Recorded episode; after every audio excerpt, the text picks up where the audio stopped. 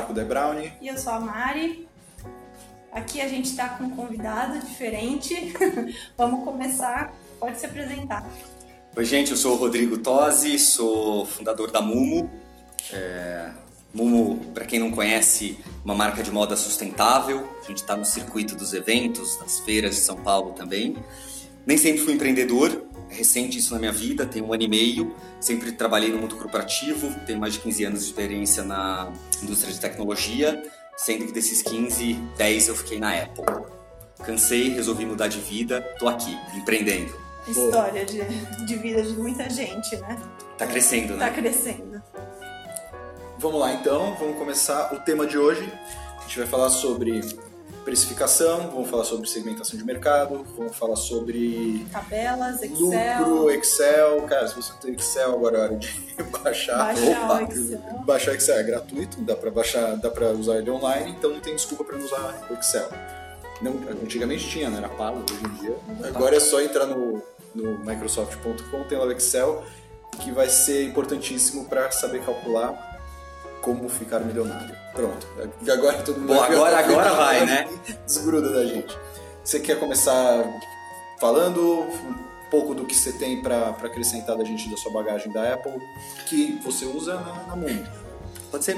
É, Bom, gente, fiquei muito tempo na Apple. Eu cuidava do, do canal de franquias, de lojas franqueadas para toda a América Latina. Então, olhava a operação do México até a Argentina. Só para vocês terem uma ideia de grandeza, eram mais de 400 lojas, faturamento ao norte de um bilhão de dólares ano. É... A vida era uma loucura, mas o que eu aprendi ao longo desses 10 anos de Apple é cultura de dados. Talvez seja um termo novo para muita gente. Cultura de dados é basicamente o seguinte você não toma nenhuma decisão baseada no achismo. Você não tem que achar, você tem que ter certeza absoluta do que você está falando. Essa era a cultura que imperava não só na Apple, mas todas as empresas de alta performance do Silicon Valley. É, o dado, quando você tem informação, quando você tem um número, quando você tem um fato, é, isso vai minimizar drasticamente a sua chance de errar. Ou seja, vai aumentar a sua janela, a sua oportunidade de acertar. Porque você não está achando, você não está julgando, você tem certeza, tem um número, tem um dado que vai dar suporte à sua tomada de decisão. Então a gente vai falar muito disso hoje é, em relação a como que a gente pode produzir dados, por isso o Excel vai ser nosso melhor amigo daqui para frente, para que você tenha certeza absoluta do que está acontecendo no seu negócio e possa tomar decisões que vão te levar até o seu objetivo. Então, como o Marco falou, se você não gosta de Excel, é o melhor momento para você começar a gostar. Ele vai ser o seu melhor amigo daqui para frente. Se não sabe, faz um curso. Se não quer fazer um curso, arruma um amigo que sabe de Excel, porque você vai ter que usar o Excel. É, não é tão difícil. Ele é, ele é feio. Ele é feio. Ele é legal. É, é, difícil. É porque quando você abre, ele é feio. Depois você enche de dados nele e enche de fórmulas, enche de números, ele fica maravilhoso. Que incrível. Cara, você põe um número ali, de repente te mostra o quanto você vai ficar rico é, é maravilhoso. É melhor do que aquele livro O Segredo. Eu li o livro O Segredo e não gostei, mas no Excel eu adorei. Ele funcionou bem melhor para mim. Eu não colei, precisei colar foto de barco no, no, no, espelho do meu banheiro. Eu só abri o Excel uma vez, preenchi de número e tá funcionando. A primeira coisa que a gente pode falar é acho que é o básico do básico, que é muito interessante. Algumas pessoas acabam não sabendo direito como calcular, que é calcular o preço. Como, quanto custa o produto, por que desse preço, por que desse valor. E acho que seria legal a gente já levantar isso. Por mais básico que seja, é um assunto que às vezes passa batido no. no, no... Porque quando a gente vai montar uma empresa, eu passei por isso. Logo no começo quer, é, já saí. Ah, montei meu, eu tenho meu produto, eu tenho quanto ele custa. Eu, eu, é, eu, na verdade, não, né? Eu teria que pular, porque eu já sabia quanto ele custava. Mas tem muita gente que fala, sei fazer um negócio bacana, ainda não, não tem mercado para isso. Cara, eu vou fazer feira. Quanto custa? Cara, eu preciso fazer feira antes que alguém faça. E sai na loucura. Uhum. E acaba se perdendo um pouco na hora de pegar aquela etiquetinha de preço e escrever o quanto vale. Como você fazia isso? Vamos embora. Precificar, assim, é uma não é uma ciência exata, mas tem vários passos que a gente pode dar e várias coisas que a gente pode se atentar para formatar. Para vocês terem ideia, as grandes empresas têm departamentos inteiros de precificação. Pra vocês terem uma ideia, a Apple tem um departamento global de precificação que toda vez que vai lançar um produto, eles olham o preço no planeta inteiro e tem um vice-presidente só para cuidar disso. É, é um passo extremamente importante do seu negócio. É, precificar é, é, é você olhar diversas variáveis. A primeira delas é custo. Quanto custa o meu produto? O preço que você vai colocar na ponta, obviamente, ele tem que ser maior do que o preço que custou fabricar o produto, senão você vai ter prejuízo. Então, o primeiro passo é saber exatamente o quanto custa produzir o seu produto.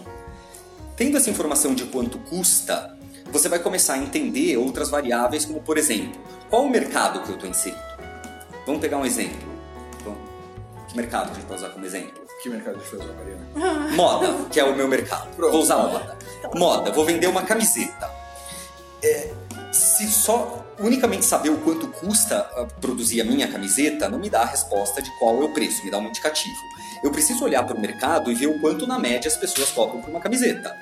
E no mercado de modas tem camisetas de R$19,90 até camisetas de R$399,90. E aí eu vou precisar começar a entender qual é o público que eu preciso atuar e ver naquela média daquele público aonde eles compram e qual o preço que essas outras empresas cobram. É, é, a matemática é muito simples, a lógica é muito simples. Se o meu público está acostumado a pagar 100 reais por uma camiseta, não adianta eu querer vender a 200 não faz parte da rotina dele ou do hábito dele pagar mais do que 100 reais por uma camiseta. Não adianta também eu querer cobrar 100 reais uma camiseta se eu vou participar de eventos aonde a concorrência está vendendo a R$ 49,90 uma camiseta. Eu não vou vender. A não ser que eu tenha um diferencial competitivo muito superior, claro e perceptível pelo consumidor para justificar esse aumento de preço. Tá, que é o valor. Que é o valor. Que é o valor que não é preço, que muita gente fala quanto custa e quanto vale. Perfeito. Que é completamente diferente. Completamente preço diferente. é o quanto a pessoa paga, valor é o quanto ela acha que custa e é o, são os benefícios percebidos, que é completamente Perfeito. intangível. Perfeito. Esse é um outro componente importante na precificação. Quer dizer, eu sei o quanto custa o meu produto, eu sei quanto a média do mercado cobra, cheguei ali num preço é, que está fazendo sentido. Eu tenho outro componente que é o valor o quanto de valor agregado esse meu produto traz na vida da pessoa. Isso é completamente intangível. Não, não tem como medir. Mas você vai ter que usar o seu melhor julgamento para dizer, ok, o meu produto melhora a vida da pessoa em que? O meu produto é superior à média do mercado em que? O quão mais óbvias ou mais fortes são essas respostas, mais você vai poder cobrar pelo seu produto, porque ele resolve um problema na vida das pessoas. Mas se o seu produto não tiver um diferencial competitivo tão claro assim em relação à concorrência, você vai ter que cobrar na média. Não vai ter muita mágica. E esse valor pode ser qualquer coisa, pode ser um item exclusivo, pode ser. Você pode estar num. lançou um produto que ninguém tem, um serviço que ninguém tem. O seu custo, o valor percebido disso é muito mais alto. Dá um exemplo aqui da Por exemplo? Yellow, por exemplo, que lançou um negócio que ninguém tinha. O valor dela é muito mais perceptível do que uma empresa que vende uma bicicleta normal. Com certeza. A Caloi vendendo uma bicicleta não tem tanto valor quanto uma empresa que vende uma bicicleta, que aluga uma bicicleta. O valor dela é muito maior. Tem toda a parte também intangível, que é o, o, o benefício que traz para a saúde, o benefício que traz para o planeta, o benefício que traz para o trânsito. Todas Tudo isso é valor, É valor. que você não consegue monetizar, mas que ele, Tá ele, ele agrega, ele ajuda você a subir o preço. Por exemplo, a Tesla. Sim. Para quem não conhece, Tesla é uma fabricante americana de carros 100% elétricos. Enquanto o planeta estava, toda a indústria automotiva estava engatinhando com carro elétrico, eles lançaram modelos 100% elétricos. É, se você olhar o preço que eles cobram num carro no mercado americano, é caríssimo. Eles cobram mais de 100 mil dólares em um carro. 100 mil dólares no mercado americano, para vocês terem uma ideia, é de Mercedes, BMW, Porsche para cima. É extremamente caro. Sabe o que acontece com a Tesla? Fila de espera. Fila de espera. Por quê? Porque eles têm um valor, um diferencial brutal em relação à concorrência. Eles têm um motor 100% elétrico que não polui, o carro é lindo, tem um super design, tem muita tecnologia embarcada, ele não tem botão, ele tem uma tela que parece um computador no painel. Isso é valor agregado. É, e nessa hora o carro vale 100 mil dólares. Vale. O valor percebido em algumas marcas, ele pode, porque esse negócio de preço, preço baseado, às vezes a gente baseia o preço na concorrência. O mercado que eu estou inserido tem muito concorrente, não adianta querer vender mais ou vender menos que ele. Você tem um produto comum, um produto que eu acho em qualquer lugar. Então, tanto faz. Porém, quando você tem valor agregado, aí você. Uma, uma dica que eu, eu vou dar até, não, não, anotem, anotem. É, se você não tem algum diferencial no seu produto, dá uma procurada. Ele, ele, alguma coisa ele vai ter diferente. Sempre, sempre tem. O seu, por exemplo, você, seu produto, tem gente que vai olhar e vai falar, ah, que legal, é uma loja de roupas. Na verdade, não. O seu valor que você tem o seu produto é que você é uma loja que atende uma causa. Você, uma parte da, da sua verba, da sua verba é revertida, é sustentável e você ajuda outras pessoas. Isso tá num, é um valor que tem. Então você vende mais do que uma camiseta, mais do que uma camisa, mais do que um vestido você vende. A gente vende a ideia de um mundo melhor. Exatamente. Exato. Isso é completamente intangível, mas tem um valor agregado. Isso. E é uma coisa que você achou no seu produto que você acaba vendendo de alguma maneira, você acaba fazendo as pessoas perceberem. E é intangível, ela vai gostar. Ela, ela, normalmente, produtos que têm uma história, uma causa, eles têm um valor maior. Muito.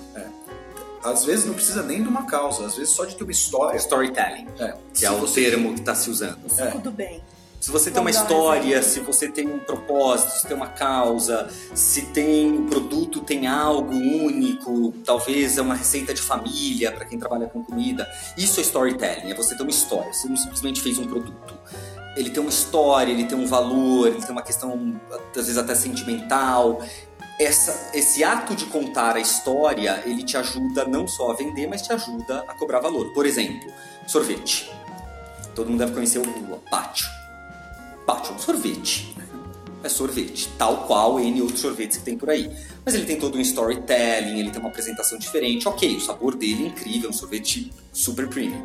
Mas será que só o fato dele ser premium justifica o quanto a mais eles cobram?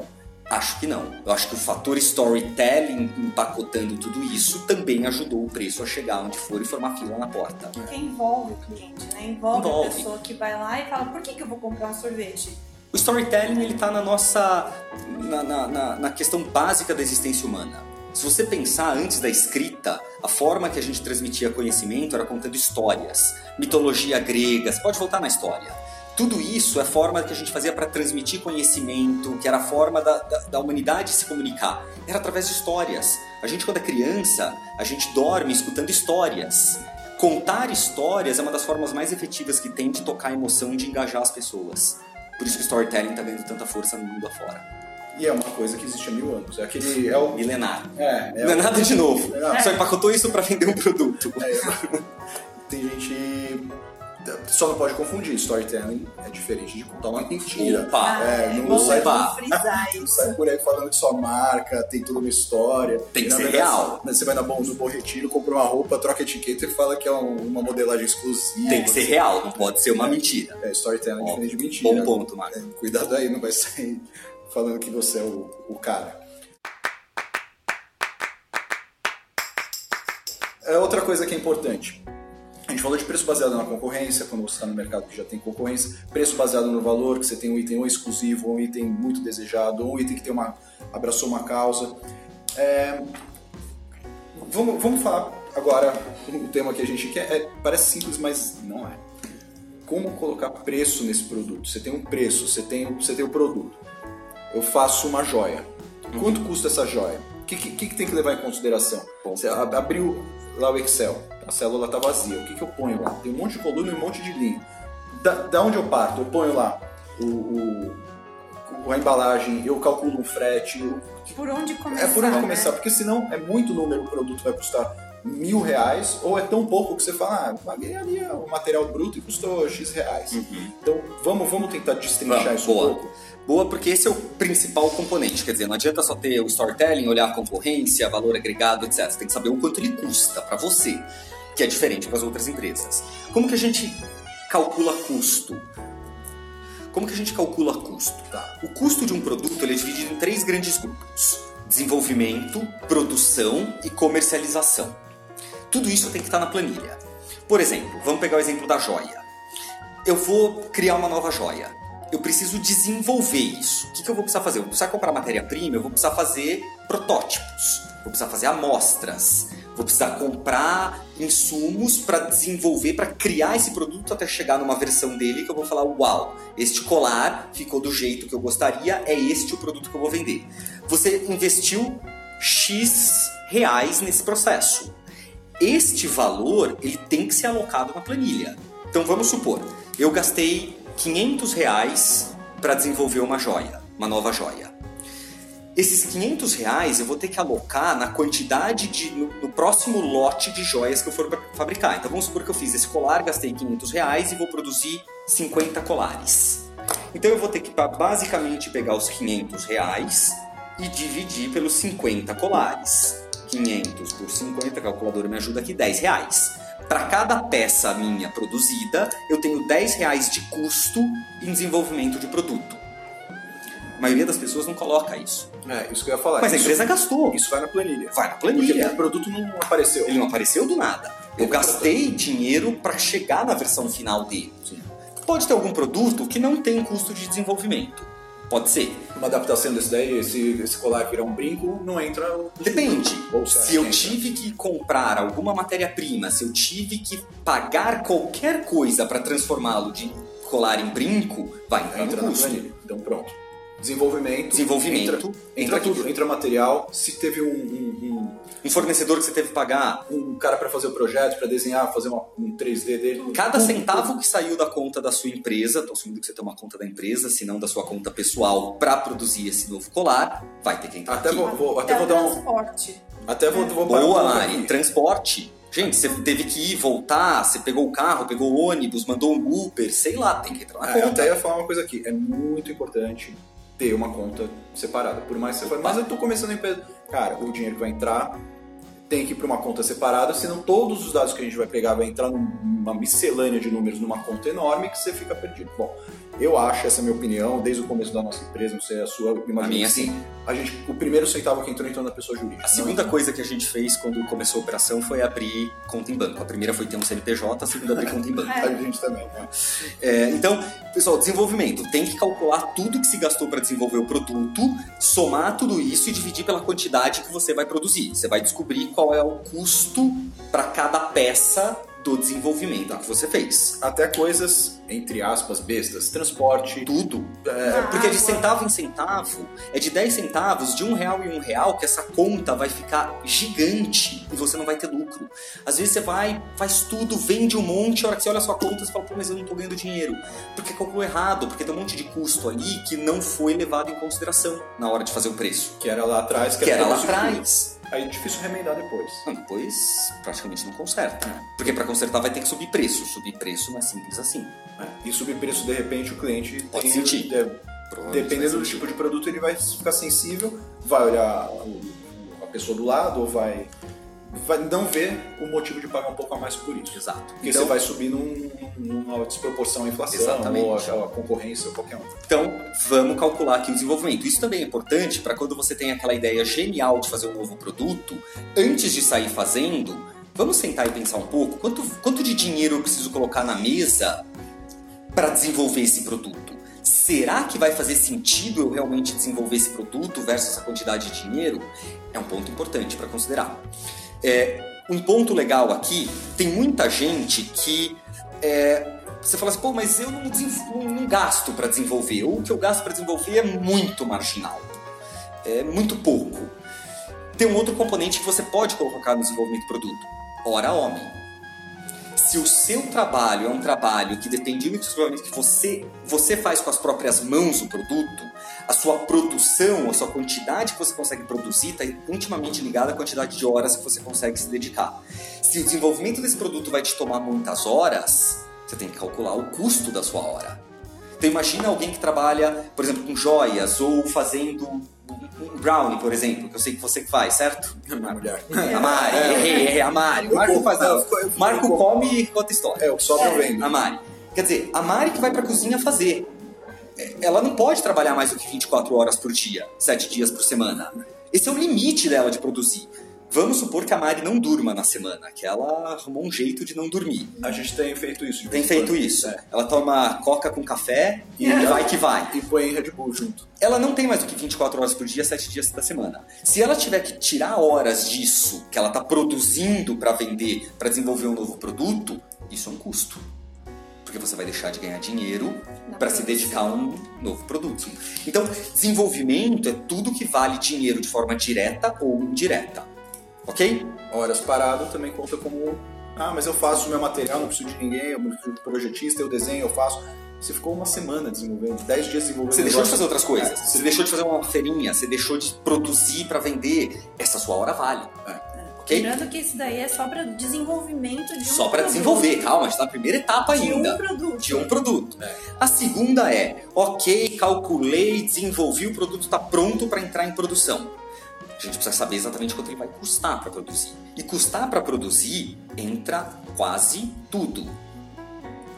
Por que entra quase tudo? Vamos lá. Vamos pegar um exemplo aqui do Brown.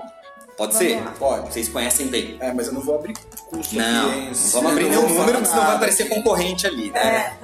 Mas vamos pensar aqui nas variáveis. O que que produzir um brownie, o que que ele leva de custo? Eu tenho açúcar, Manteiga, Manteiga, tem a Manteiga, farinha, farinha, tem o chocolate, chocolate, tem o cacau, tem sal. sal. sal. Vai pouquinho sal. Muito pouco. Mas, Mas vai, tem, mas vai, não vai? vai. Vai, muito pouco, mas vai, mas tá. Mas no ano você vai ter que comprar Eu alguns pacotes de comprar, sal, né? Vai Vai ovo, sal, vai, vai, vai amor, tá na moda falar que tudo vai amor. Então Vai a gente põe amor, amor também. põe a gente amor. Vamos calcular o amor aqui. Mesmo que a gente esteja amargo, azedo, brigou, a gente Mas pega, gente, também põe amor. Por exemplo, sal é um exemplo legal. Vai super pouco. Muito. Muito pouco. Muita gente vai falar assim: ah, não, mas o sal, o sal eu pego da minha cozinha, não tem problema. conta. Gente, ok, uma coisa é pegar o sal para fazer uma fornada. Outra coisa, coloca isso na escala de produzir no ano, É. na década. Faz toda a diferença. É nos centavos que a gente se perde. Então, tudo isso vai entrar como custo. Sabe o que mais vai entrar em custo? Energia elétrica. Sim. Você tem forno, não tem? Seu forno é elétrico ou a gás? o fogão e o forno elétrico. Fogão e forno elétrico. É. Só puxando energia elétrica, alguém tem que pagar essa conta. Então vamos lá. Quanto eu pago por mês de energia elétrica? Vamos chutar, tá? 100 reais. Deve ser mais, né?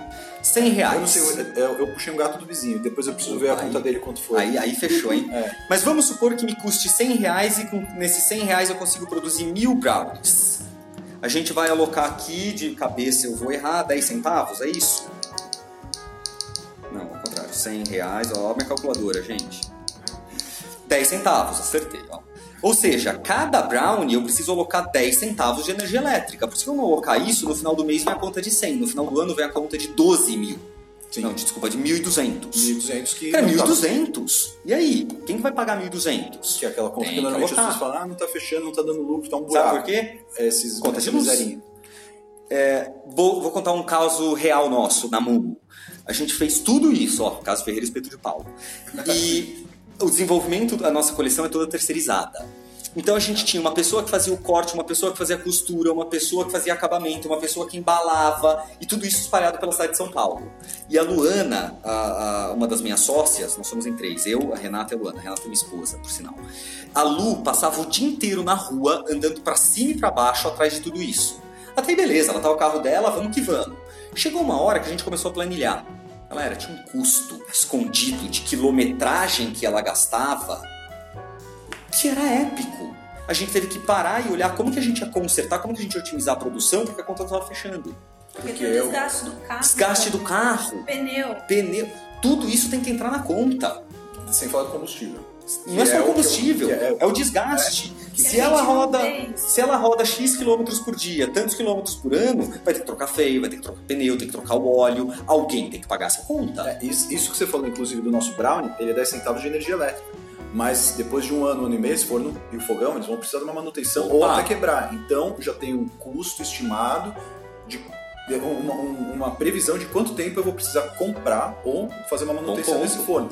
Que desses 10 centavos a gente faz quantos brownies eu faço com o forno antes de ele quebrar, e é o custo que não, não é embutir na maldade, alguém vai comprar um forno novo. Na verdade, não. É o, é o, é o desgaste normal das coisas. Perfeito. Tá embutido aí também. Tem que embutir, quer ah, dizer, mas é tão pouco, dá pra fazer, sei lá, dá um número qualquer aqui, dá pra fazer 50 mil brownies antes do forno. Não importa. tudo bem, só que depois se fizer 50 mil, o forno vai quebrar. E aí? Ou você tem dinheiro em caixa para comprar um forno novo, sua empresa quebrou. É. Ou pode ser que que- quebre antes. Pode Sim, quebrar antes. que né, não que é tudo, aí, alguma- aí é tudo projeção, tipo É. energia elétrica, aí a gente sabe, oscila muito pouco, mas tem aumento. Mas alguns custos que normalmente não vão na tabela, que é esse caso do seu, é um custo que no final do mês você fala, alguma coisa tá errada. Eu inseri algum dado errado, na verdade não, você esqueceu de inserir É. algum dado. Então, Que é gente, esse é um ponto bom. Se vocês que estão ouvindo, se tem alguém aqui nessa situação de, poxa, não tá dando dinheiro, vai pra planilha. Você vai descobrir que tem algum custo que tá passando despercebido e é ele que tá desbalanceando o negócio. é, que não foi inserido ou alguma coisa. Vamos E- tratar de calcular, inserir, porque certeza absoluta que é ele que tá fazendo o seu negócio não andar. Então, boa, você falou aqui Desenvolvimento, produção, Produção. e depois tem venda. Quer dizer, o produto tá acabado, eu preciso vender. Pra vender, ah, mas pra vender é só eu ir lá na, na Fair Sale e vender. Não, calma, calma. Olha só. É, primeiro você precisa ser chamado pra fazer. É, primeiro você precisa fazer um bom trabalho e ser chamado na Sale, hein? Mas muito bom, vamos supor que você foi chamado. Vamos pegar de novo o exemplo do, do, do, do Brownie. Ou vamos pegar da Momo, vai, só pra não falar do Brownie, pode ser? Você que sabe. Vamos na Momo. Vamos. Eu tenho uma camiseta pronta. Eu não vou simplesmente pegar a camiseta do, do saquinho que veio lá da costura e vou entregar na mão do meu consumidor. Eu vou fazer uma embalagem bonita, porque a embalagem bonita ela agrega valor. Eu posso cobrar um pouquinho mais. Mas vou ter um custo de sacola. No meu caso, eu coloco o produto numa, numa folha de seda e coloco um adesivo.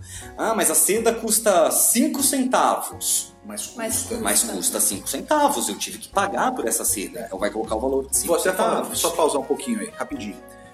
A gente tem que pensar grande. A nossa empresa, a gente não faz uma empresa para vender 100 itens por mês, ou seja, no seu caso, a gente tem que vender um pouquinho mais, que é produtos mais baratos.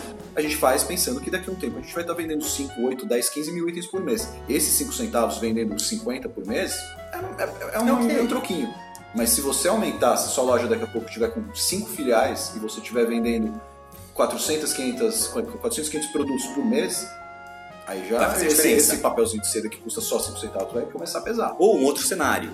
Vamos falar então de pensar grande. Imagina que você tem um produto incrível, que está indo super bem, e chega um investidor e quer aportar dinheiro. Sabe o que ele vai te perguntar? Qual a margem? É. Se você não tiver isso na ponta da língua, e se você não mostrar uma planilha com esse nível de detalhe, sabe o que o investidor vai fazer? Recalcula isso porque não está fechando a conta. E adivinha, você vai recalcular e a margem não é tudo aquilo que você imaginava. Sabe o que o investidor vai fazer? Não fecha a conta, obrigado. Você acabou de perder a oportunidade de trazer alguns milhões para dentro de casa e escalar o seu negócio. Então, assim, os centavos fazem diferença. Aí voltando no Voltando, seu caso, 5 centavos papel de seda. 5 centavos papel de seda. Boa. Eu tenho sacola, tenho adesivo, eu tenho. A, a gente na Mumo tem um spray com um cheirinho proprietário nosso, para deixar a sacola perfumada. Cara, tem que arrumar um jeito de calcular aquele vidrão, cada, sprayzada, cada vez que eu aperto o spray, quantos centavos está saindo por lá. E tem que colocar no custo. Ah, legal, só isso? Não. As pessoas pagam. A maioria por cartão de crédito. Tem um custo operar o cartão de crédito. Vamos lá, quanto que a sua máquina está te cobrando? Ah, Rodrigo, não sei. Trata de saber. Porque eu vou te falar, tem gente no mercado que cobra de 4% a 10%. Olha a diferença que Pesquise. faz. Pesquise. Vamos supor que a maquininha cobra 5% para transação. Tem que colocar na planilha. E aqui um ponto legal. Pô, se a maquininha me cobra 5% só para passar o cartão de crédito, chega um cliente falando que quer pagar em dinheiro e me pede um desconto, o que que eu vou fazer? Fazer aquela cara de nojo que você não tá é, respeitando o meu trabalho? Trabalho artesanal. Não, eu vou dar 5% de desconto pra ele, porque eu já tô considerando que eu vou perder 5% pra maquininha. Eu vou dar 5% de desconto porque ele vai me pagar em dinheiro. E sabe o que vai acontecer? Ele vai sair sorrindo e ele vai me indicar e ele vai voltar pra comprar. É, Só que não fala isso, porque Não. ele vai agregar valor. Vai o cara vai falar, valor. o cara é bacana, a loja é O cara é bacana. legal, a ele loja deu deu um descontinho. É, Ele isso é volta. agregar valor, que está em pequenos detalhes. Tem pequenos detalhes, só que você tem que saber o quanto você paga do cartão pra poder fazer essa negociação com o seu consumidor. É, Então eu vou pegar uma máquina de cartão que me cobre 30%. Eu Quebrou. posso cobrar 30% do cara de dou desconto de 30%. o problema é que você vai ter que subir seu preço em mais de 30% e não vai Vai vender. fechar a conta, quem quiser pagar o cartão vai ficar Então, puto. tem, tem a máquina do cartão aqui pra gente considerar. Outra coisa, você vai vender parcelado? Tem gente que vende parcelado. Tem que ver o quanto o ca- o cartão cobra para venda parcelada e tem que colocar isso no custo. É, e venda parcelada consome muito. Opa! Muito, muito, muito. a Muito gente dinheiro. vê lá. Dá pra fazer, inclusive, tem muitas. Eu, eu não conheço todas as máquinas, mas tem muitas máquinas que dá pra fazer uma simulação de preço. Se a pessoa pagar com débito, com crédito, e se ela dividir duas, três, cinco, dez vezes. Tem que entender. Faça essa conta, porque às vezes vale a pena. Porque o cara fala, vou levar 10 itens, porém eu quero que você me dê um desconto de X%. Se você não souber quanto sua máquina de cobra, você pode dar um desconto que no final sua margem fica mínima. Exato. porque você vai pagar durante 10 meses, você vai pagar uma taxa e ela é proporcional aos meses, conforme aumenta o mês ela, ela aumenta também a taxa. Você vai receber parcelado em 10 vezes e o cara. Ou você vai antecipar e o banco vai te cobrar uma taxa de juros exorbitante. Exatamente. E o cara sai com o produto na hora. e Você tem que saber essa estoque. conta. Sim. Até porque se alguém pedir para parcelar, você tem que saber se você pode ou não parcelar. Por exemplo, eu vendo roupa, meu ticket médio é um pouco mais alto. Tem clientes que vão lá, isso já aconteceu, gastou mais de mil reais numa compra e me pediu para parcelar. Pô, a gente está comprando mil reais de produto. Eu vou parcelar. Não vou falar não. Mas eu sei o quanto me custa parcelar. Só que eu não vou perder um cliente de mil reais para tentar parcelar em duas, no máximo três vezes. Mas essa, essa conta você já sabe. Eu Você sei tem de cabeça. Que se você não sabe, deixa um papelzinho colado ali do Deixa lado. anotado. Quanto sua máquina vai te sugar para na hora de chegar ao cliente você não ficar 10 minutos caçando na internet onde eu vejo isso. Isso é Exatamente. muito importante. E uma última coisa importante. Impostos, minha gente. Ai, caramba. Aqui é duro. Sabe É. por quê? Eu odeio pagar imposto. Todo mundo odeia pagar imposto. É porque até- o Não nome porque já é incomoda. custo. Porque É ela é imposto. imposto, O você É imposto, mas eu acho que o que mais incomoda o brasileiro de pagar imposto, pelo menos pra mim, não é o valor em si. O que mais me incomoda é saber o, o destino que o meu dinheiro vai ter. Mas, independente de qual é a sua opinião sobre isso, uma coisa é fato: você tem que pagar impostos. Ponto. Você escolheu morar no Brasil, o Brasil tem uma regra de fazer negócios, e essa regra de fazer negócios é impostos. Ah, mas imposto é caro, é complicado, Rodrigo. Não, você que não foi pesquisar. Sabe por quê? Uma microempresa tem uma tabela ultra simples de pagar imposto, é o único imposto que a gente paga. Para quem está começando, você vai pagar 4%. 4 é menos do que o cartão de crédito. 4%. Se você tivesse na faixa máxima, depende da variação do seu modelo de negócio, da, da indústria que você está, mas na faixa máxima você vai pagar 16. Só que a faixa máxima são 3,6 milhões de reais de faturamento por ano. Qual é o grande problema aqui? Eu vejo dois. O primeiro, eu acho que se você quer primeiro reclamar, e aqui vai lição de moral, licença, gente, desculpa, mas eu não me aguento. Se você quer reclamar que político é corrupto, você tem que fazer a sua parte. A sua parte com- começa pagando imposto. Primeiro. Segundo, se você pensa grande, se você quer crescer, se você quer um investidor, você tem que pagar impostos e tem que entender como o imposto impacta a sua margem. Por quê? Hoje, você não paga imposto porque você é pequeno, porque ninguém olha, porque sei lá qual a sua razão. Ok. Você começa a crescer. Você vai chegar num ponto que você deveria pagar 16% de imposto, por exemplo, e você está pagando zero. Vai dar problema. Porque o fisco vai começar a fechar o cerco. Ou o investidor vai chegar e vai te perguntar tudo isso. E aí você vai correr e vai tentar pagar imposto. Só que para quem nunca pagou, do dia para noite começar a pagar 16, sabe o que significa? Fechar as portas. É por isso que a maioria das empresas quebra no Brasil. Porque não se planeja, porque não joga o jogo como deve ser jogado. Então, entenda qual a sua alíquota de imposto. Coloque no preço.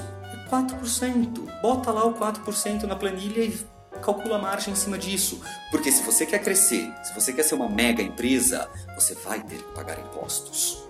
E se você vai ter que pagar imposto, é melhor que você comece agora para você entender como funciona, do que chegar do dia para noite e ter que assumir uma carga tributária que você não estava esperando. Vai quebrar. Ou mais uma vez chegar um, um investidor, pô, legal, seu produto é bacana, não vejo no mercado, qualidade, tem um diferencial, bora, bora, me apresenta, apresenta. Você fala, então, eu paguei imposto. Mas faz três anos? É. O cara fala, não é rentável. Além de não ser rentável, sabe o que ele vai falar? Eu não vou colocar meu dinheiro aqui porque você tem um passivo com o, o- o- com o Brasil de três anos.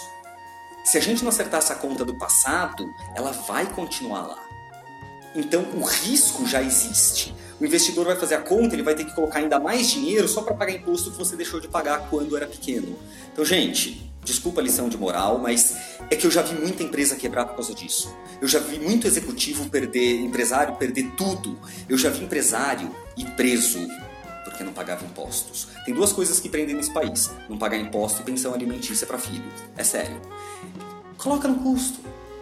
Põe no custo. 4%. Tá, eu entendi, a gente vai começar a pagar.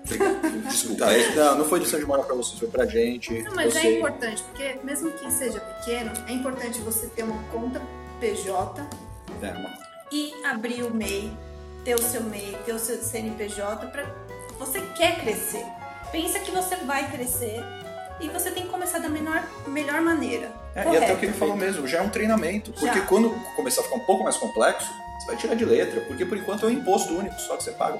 Daqui a pouco você vai abrir sua loja, você vai ter um ponto de venda, você vai ter distribuidor, você vai dar nota para todo mundo, você vai ter sua loja, você vai pagar imposto sobre tudo. Aí é mais difícil. Esses 4% é uma taxa única, você faz tudo pela internet, é moleza. Você Ah. faz, a gente faz, isso é tranquilão. E Você não precisa ir em lugar nenhum. Você vai uma vez para abrir o MEI e depois você só administrar tudo online. online. É uma visita que você gasta meia hora, Não, uma hora. meia até pela internet. Então, Você, você só precisa ir pra validar, né? pegar um negócio de nota fiscal. É, exatamente, só para isso. Outro ponto importante: se você não tem um CNPJ, se você não está pagando os impostos direitinho, você pode perder negócios também. Pode chegar alguém ali num evento, etc., que olhou e falou: pô, amei, eu tenho uma empresa, eu quero comprar mil brownies para fazer o meu evento. Só que eu preciso de nota. É. E aí? Certo. Tudo bem que é rápido abrir, mas você vai perder pe- tempo de produção, você vai perder, ter que estar na rua, ter que comprar insumo. Mano, tá é bom. muito diferente quando você fala, tenho, dou nota sim. A pessoa já fala, então tá, esse é profissional. Ó, a gente Já passa uma Exato. outra. A gente já passou por isso, de ter gente olhar e falar, pô, o produto de vocês é legal, tem uma empresa grande, não vou falar o nome aqui. É, é, uma- é um cartão de crédito. Eu tô quase falando o nome, mas não vou. não. E falou, a gente queria fazer um evento. Você consegue me fazer 250 potes pra semana que vem? Eu falei, consigo, você dá nota? Sim, fechado, vambora. Se eu falasse não, eu não ia conseguir em uma semana sair comprando insumo, sair... Impossível. Não dá, não dá, porque a gente teria a produção, não daria Não, tempo. vai levar ali uns 30 dias para sair toda essa documentação É. para para CNPJ. E a gente fechou assim imediatamente. E tinha gente que falava, pô, por que você se preocupa com esses detalhes enquanto você ainda são pequenos? Eu falei, porque eu não quero ser pequeno pra sempre. Esse é o ponto. Essa é a mentalidade. A minha ideia é Você essa. tem que estar preparado porque a oportunidade ela vai aparecer. E quando ela aparecer, ela não vai te Vai dar te tempo para você né? se organizar. Vai falar: olha, eu sou um investidor, daqui 40 dias eu vou falar com você e vou falar que eu quero aportar 2 milhões na sua empresa. Ele vai chegar e vai falar: adorei, eu quero aportar. Ou você tá pronto, ou o trem passa. E esse cara, normalmente quando aparece um investidor é porque ele tá com sede de negócio. Viu Opa. você uma oportunidade. Não, ele tá olhando você e tá olhando 30 é outros. isso que eu ia falar. E tem outros na fila. Você Opa. passou de primeiro pra segundo. De primeiro pra último. O segundo virou primeiro, acabou. Ainda não preci- precificamos. Perfeito. Faltou- Agora a gente vai precificar. Pronto, então a gente tem desenvolvimento, Desenvolvimento, produção e venda. Agora a gente vai começar a precificar. Agora eu sei o quanto exatamente me custa um produto, desde desenvolver até movê-lo para o consumidor, nas mãos do consumidor final. Como eu sei agora o quanto ele me custa, que conta eu vou fazer? Quanto eu quero ganhar por mês dividido pela produção? Não. Quanto custa meu aluguel? Quanto custa o meu aluguel dividido por quanto eu produzo por Não. Você vai olhar de novo para sua indústria e vai entender qual é a margem média que se faz. Que a gente tem até. Tem, tem lugares que tem até umas, umas tabelas. Tem Isso. tabela, o Google ajuda a entender isso. Cada indústria tem uma margem média que todo mundo trabalha ali próximo. Alguns fazem mais porque são mais eficientes ou porque tem um valor agregado maior, maior. outros fazem menos porque brigam em preço. Mas toda indústria vai ter uma margem na mé- média ali. Esse é um bom caminho para você começar. E aí você vai olhar o quanto qual a margem média, o quanto você acha que o seu produto deveria custar, o quanto a concorrência está vendendo, tudo aquilo que a gente falou no começo, você vai colocar isso e vai jogar na planilha o preço que você acha o preço bacana. E o que você não souber, pesquisa. Pesquisa. Pesquisa, pesquisa. Ah, então, e aí eu joguei o número tá certo? Não. Aí você vai jogar o número, você vai ver qual é a margem efetiva que o seu produto tá te dando. E aí você vai olhar para essa margem e vai dizer, bom, isso é o suficiente? A resposta pode ser não. Se a resposta pode ser não, como que resolve? Pode subir o preço, mas você vai perder competitividade, possivelmente. Você pode olhar para sua estrutura de custo e ver quais são as variáveis ali que estão levando o seu custo de produção para cima e vai entender como que você vai diminuir esse custo. Aí você vai começar a montar um plano de negócio. Aí você vai começar a ter um plano para entender o que você tem que fazer para ganhar mais dinheiro. E ganhar mais dinheiro não é necessariamente cobrar mais caro. Vou contar um outro caso real da, da Mundo. A gente, uh, a gente opera o e-commerce. E-commerce você precisa de foto de produto. Foto bonita. É, a gente começou fazendo foto em estúdio com modelo profissional. Super legal, ensaio. Incrível, essas fotos lindas. Só que isso estava me alocando um valor que na hora que eu colocava tudo na planilha, ele estava matando o meu negócio. Peraí, como você põe esse valor? Você punha quantos produtos foram fotografados Eu- versus o quanto custou Eu pegava, eu pegava o quanto custou o ensaio Tá. e dividia pelo volume de produtos que eu estava produzindo daquela coleção. Então vamos supor, eu estava produzindo mil produtos e o ensaio custou 10 mil reais. Eu vou alocar 10 reais para cada produto. Entra lá em desenvolvimento. É Isso que eu ia falar. Isso faz Entra- parte do meu desenvolvimento. Isso está na planilha. Tá tem na que planilha. tá. Tem que estar. né? Só que eu comecei a olhar que esse era um, dos maiores custos. Estava me custando mais tirar foto do que comprar tecido. Falei, pô, não tá certo. O que, que a gente fez? A gente encontrou uma forma de continuar tendo fotos incríveis, mas sem custar o absurdo que estava custando. A gente começou a tirar o que a gente chama de foto still, que é a foto só do produto.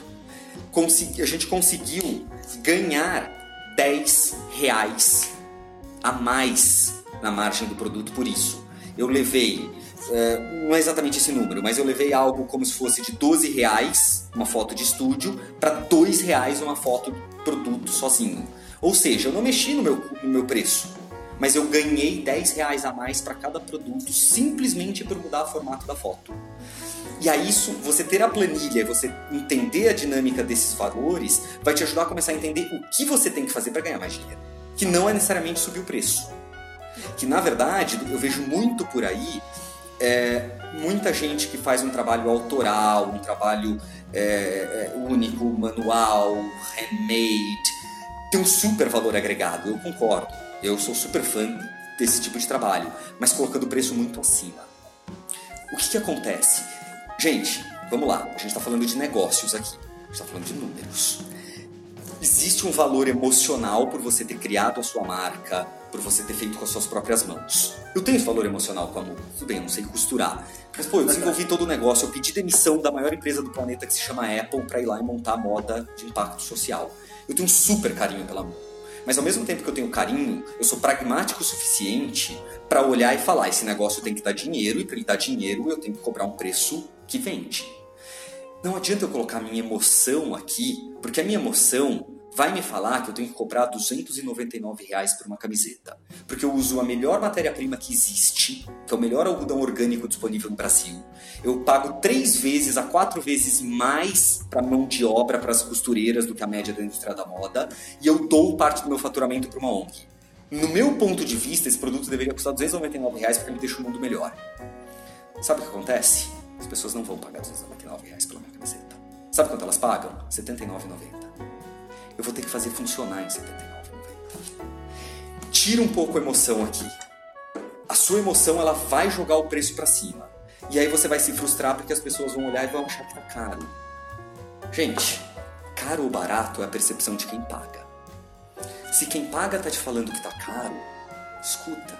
Vamos fazer conta. Vamos entender qual é o preço. Eu comecei a cobrando 109 reais pela camiseta. Hoje eu cobro 79. E tem lucro. E tenho lucro.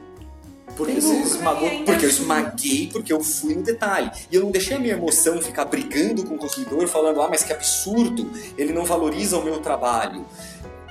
Gente, ele, nem todo mundo vai valorizar o artesanal é. desse jeito.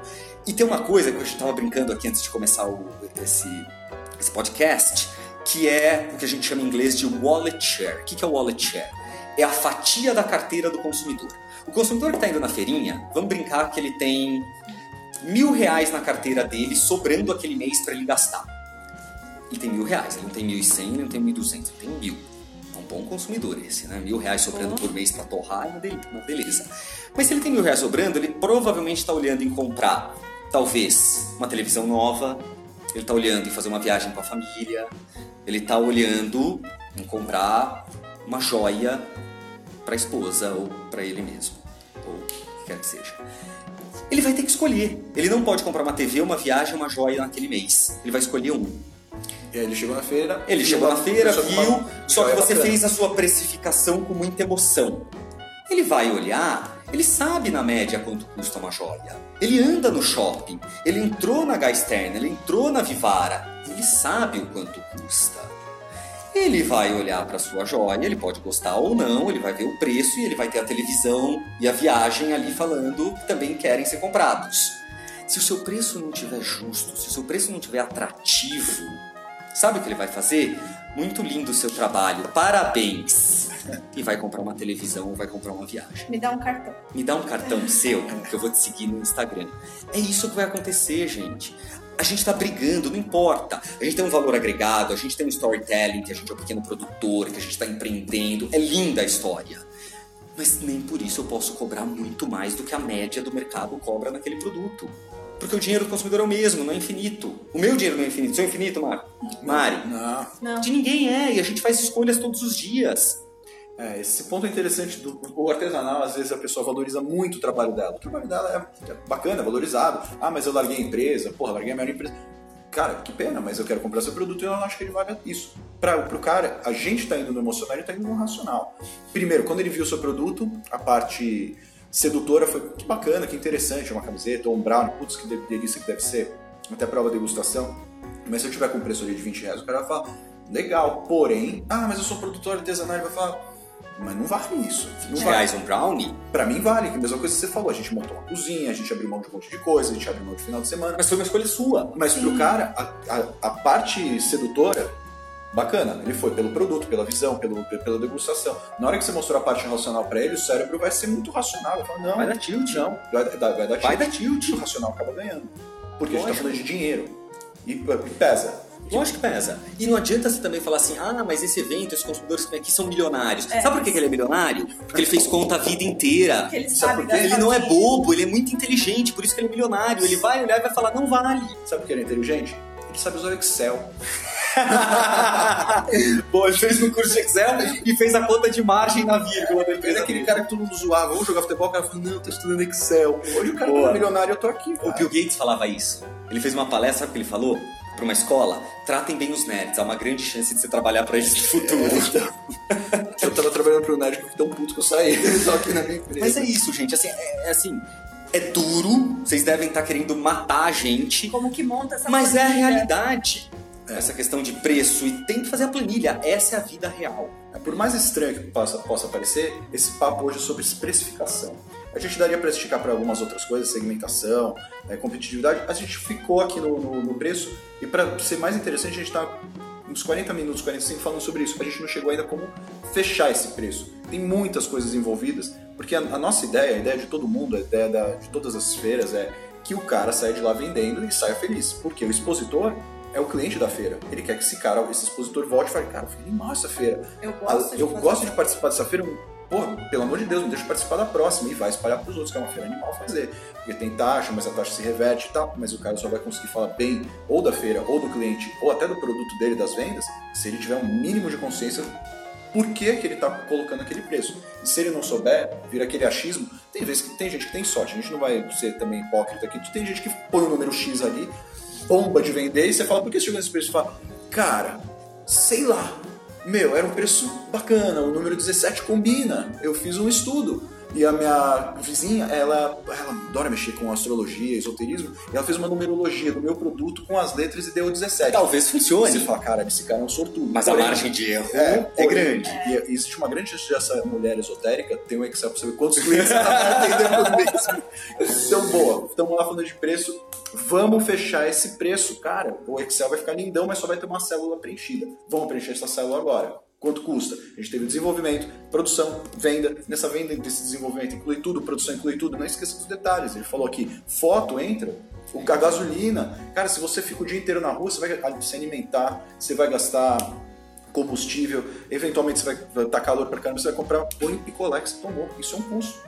Se você conseguir fazer por telefone, cara, é muito melhor. Muito melhor. E aí você vai começar a ver como você pode ser mais efetivo para gerenciar e produzir os seus produtos. Sim. Ou seja, tem duas formas de você ganhar mais dinheiro: ou cobrar mais ou gastar menos para produzir. Cobrar mais, a gente acabou de falar, é duro. Se você achar um jeito de gastar menos para produzir, você vai ganhar mais dinheiro. Simples pesquise. assim. Pesquise, é, embalagem, adesivo, Não, a, gente mora, a gente mora na maior cidade da, da América do Sul e a opção que a gente tem tem uma rua especializada em vidro, tem uma rua especializada em ferro, tem uma rua especializada em a gente tem rua especializada em tudo, tudo. Cara, se você vende um, um, uma joia, deve ter alguma rua especializada em prata. Se você vende é, tecido, tem um tem. bairro inteiro especializado em tem um bom retiro lá. É, especializado nisso, em tudo. É, e aí, inclusive você falou, cara, pega detalhe. A foto, cara, é um detalhe. Ah, mas meu produto fica bom. Dá pra ficar bom de outras maneiras. Porque se você que tá vendendo a 109 Quer dizer, você pôs o preço 109 e não está vendendo tanto, cara, põe na ponta do lápis ali. Se eu vender a 79, vai ter mais a ver com a minha concorrência, vai ter mais a ver com o meu produto. As fotos não é, não é seu core. Se você está gastando mais em tecido, do, mais em foto do que tecido, tem alguma coisa errada. Exato. Tem um ponto importante. A gente está falando muito de número, número, número, mas também não é assim, ah, tá vendendo a baixo preço. Calma, calma. Tem um monte de coisa entre não estar vendendo e baixar o preço. Por exemplo, quero falar real de coisas que eu vejo por aí as pessoas não dão um sorriso pro consumidor. Cara, acontece. Eu ando pelos eventos ali, nem todo mundo sabe que eu sou expositor. Eu tô cansado de ser atendido por N pessoas por aí que estão olhando o celular e simplesmente não guardam o celular, ou de óculos de sol que eu não consigo nem ver o olho, simplesmente levanta a cabeça, não dá um sorriso e responde a pergunta que eu fiz. Gente, baixar o preço não vai resolver seu problema. O seu problema é sorrir, é estar presente, é atender o consumidor, é engajar na sua história, é demonstrar o produto. Vamos lá, eu, eu falo de testar o preço assumindo que todas essas variáveis já foram controladas e que a última alternativa é baixar preço. Mas eu vejo muita falta de sorriso É, no rosto. falta, falta muito. Não tô falando que é você que tá me ouvindo, tá? Você não, você não faz É, isso. você não. É, você- é, inclusive você tá sorrindo agora. Tá- tá Sorriu, vendo? sorriu. É, também. Isso acontece muito. Isso é, é princípio básico. Às vezes tem gente que fala, ah, mas eu trabalhei a semana inteira para produzir, eu trabalhei o mês inteiro. Não importa. O cliente vai ver aquele momento que ele chegou lá e, cara, você tem. Você deve ter números exatos sobre isso. Vou falar aqui, você tem 8 segundos para pegar esse cara e ir embora. Sei lá, deve ter um número exato para isso. Tem pesquisa para tudo, tem dados para tudo. 15 segundos. São 15 varejo, varejo de shopping são 15 segundos para você abordar e pegar a atenção do cliente. Mais do que isso, você começa a ter o risco dele sair. ele, ele fica disperso. É. É, vamos pôr aqui, sei lá, vamos pôr esses 15 segundos. Se você em 15 segundos não foi simpático, não sorriu, não mostrou seu produto, não fisgou, ele já foi atraído por alguma coisa. Alguma coisa você acertou. Ou você tá com uma apresentação boa, você tá com uma vitrine boa, ou a sua etiqueta de preço, você pôs lá, o cara falou, pô, esse preço eu pago nesse produto. Se você não pegar ele nesses 15 segundos, ele foi embora. A gente já parte desse pressuposto. Se você não tá fazendo isso, cara, Lição de casa. sai do, sai do Excel agora, vai pro espelho, dá um sorriso. O cliente não tem nada a ver com quanto você demorou para produzir. Se- e se você não quiser, até uma coisa, põe lá um vendedor, põe um vendedor bacana, o cara vai, é- ele é um profissional, embute isso no custo. Tem gente que é um bom empresário, mas é um péssimo vendedor. Um bom criador de produto, mas é um péssimo vendedor. E tem que vender. Tem. E as pessoas têm que entender que a feira é a loja delas, é o momento de vender. Você, eu não sei, a gente não tem uma loja física ainda, então ali é o momento da gente pegar o cliente. Eu não sei como que as pessoas trabalham, porque a gente às vezes não passeia tanto pela feira, né? Quando não passei é bom, significa que tá vendendo. É, mas às vezes quando a gente passeia, a gente vê que tem pessoas que não estão ali pra vender. E tudo bem, as pessoas têm que entender assim: eu não sei vender, tudo bem. O Marco, ele vende muito bem, muito melhor do que eu. Mas então, às vezes eu deixo muito mais pra ele. E às vezes a pessoa fala: ah, eu não sou boa vendedora, eu tô aqui vendendo, mas eu não gosto disso. Então contrata alguém. Ou aprenda a ser, Ou ou, contrata, aprenda, ou é. contrata alguém. Mas todo mundo tem que vender. Seja um vendedor ali. Mas a gente, é, mesmo sem perceber, a gente vende algo todo dia, toda hora. Você é, quer contratar um serviço, ou você quer comprar um serviço, alguém tem que vender. Você está vendendo a sua imagem, você está vendendo uma ideia. A gente aqui está vendendo. Eu estou vendendo a minha credibilidade para vocês continuarem escutando isso até o fim. Então, o ato de vender é constante na nossa vida. Tudo bem, um evento ele é muito mais intenso e, e- e- e é uma venda muito mais clara. Mas assim, tem que vender. E não importa, Mari, se um dia você tiver uma loja, se um dia você tiver uma rede, se um dia você for no mundo inteiro vender na China, o ponto de contato, esse contato físico com o consumidor, é a última é, é- é- é a última parte do relacionamento dele com a sua marca antes de uma aquisição. Muitos andam pela internet, pelo Instagram e vão no evento porque querem ver pessoalmente. Sim. O que, que eles estão dizendo? Eles estão dizendo: eu quero te conhecer, eu quero ver pessoalmente. Ou eu gosto da sua marca. Eu gosto da quero sua marca, eu quero é. ver. Ali é onde a sua marca ganha vida. Aonde a sua marca deixa de ser um logo ou uma foto na tela do computador e se transforma numa pessoa. E essa pessoa é quem está lá na frente do consumidor. Se você não sorri, ou se a pessoa que você contratou não sorri, sabe o que vai acontecer? Não é você que não sorri, é a sua marca que não sorri. Que tem uma coisa muito importante Eles não sabem, o consumidor não separa o vendedor da marca, é a marca. Ponto. É uma coisa muito interessante você falou aí. Du- Duas coisas que a gente sempre vê também, que acontece com frequência. Pegar muito carinho pela sua marca ou pelo seu produto e acabar ficando incomodado com quem desvaloriza. Cara, é seu filho, é um produto. Esse negócio tem que ser rentável, fim de papo. E outra é essa, essa mistura também do, do, ah, mas fui eu que não fui simpático. Como que o cara foi lá no meu Instagram e falou que foi na feira e o atendimento foi completamente diferente do que tá no Instagram? O Instagram é uma marca moderna, ágil, descolada, bacana. Foi lá e falou, ah, eu nem sorri pra você. É porque você é sua marca. Você é pessoa jurídica. É. Se você sair de lá e não cumprimentar ninguém, o cliente passou por você e fala, ah, desculpa, é, daí é outra coisa. Você, quando você estiver junto do seu logo, com a camiseta, com o crachá, Você é a sua marca. você é a sua marca. O cliente não está enxergando a sua pessoa, ele está enxergando a marca que está lá, ponto. É, e se você não sabe vender, não é uma, é uma pessoa Bota alguém que saiba. tímida, tem frila disso, eu não sabia. Tem. tem, tem muita gente que faz frila de venda. Você vai lá dar um treinamento de 10, 15 minutos sobre o seu produto, a pessoa entende, a pessoa prova, a pessoa vende pra você umas duas, três vezes pra testar, vai embora. Isso pode ir no custo, não é? Sim. Tem que ir no custo. Não tem nada demais. Bota Pô, no vamos, custo. Vamos pôr uma vendedora? Vamos pôr uma vendedora. Ah, foi o que a gente conversou com a, a Priscila Plaça sobre venda. O último Topcast foi sobre isso e a gente vai até abordar depois mais pra frente sobre vendas. Que é um quesito que a gente tá vendo que é um ponto que a gente tem que explorar um pouquinho aí e ajudar. Se a gente pode ajudar nisso também. Tem, tem vários, várias receitinhas de bolo Tem também pra você melhorar ali, é. técnica. Uma última coisa que eu queria falar, não sei se vocês têm mais tópicos na mesa, mas um super importante Vamos, que eu a vejo. gente tá indo em preço. A gente tá na primeira célula do Excel. Então vamos lá. Va- Ainda vamos falando em preço, gente. Vamos lá. Se você estudar marketing, todo mundo que fala, toda, todo produto precisa passar, toda empresa tem os 4 P's. Produto, praça, preço e promoção, minha gente. O que, que eu quero dizer com isso?